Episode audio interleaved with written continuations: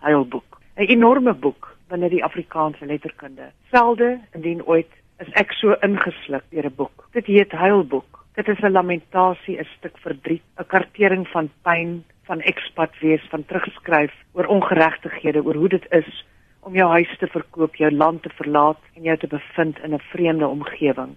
Dit is Nieu-Seeland.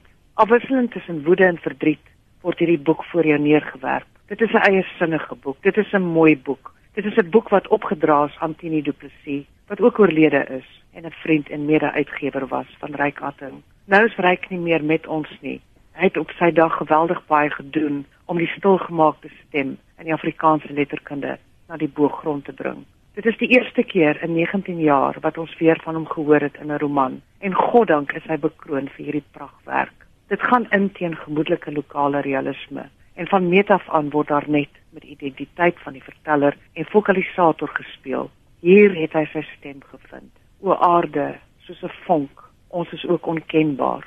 Jy kan by 'n vuur staan, jou hande oopmaak en die hitte teen jou palms voel, maar jy kan nie 'n vonk vang nie. Dit is te vinnig, soos lig of so spermselle, daar duisende, miljoene selfs, en met aksie gaan jy nêrens kom nie. staan daar op bladsy 33. En dit is hoe hierdie skrywer was. Hy was 'n vonk. Hy was onkenbaar. Hy was 'n ongelooflike mens en hy het vir verskeie skrywers in die Afrikaanse letterkunde baie beteken.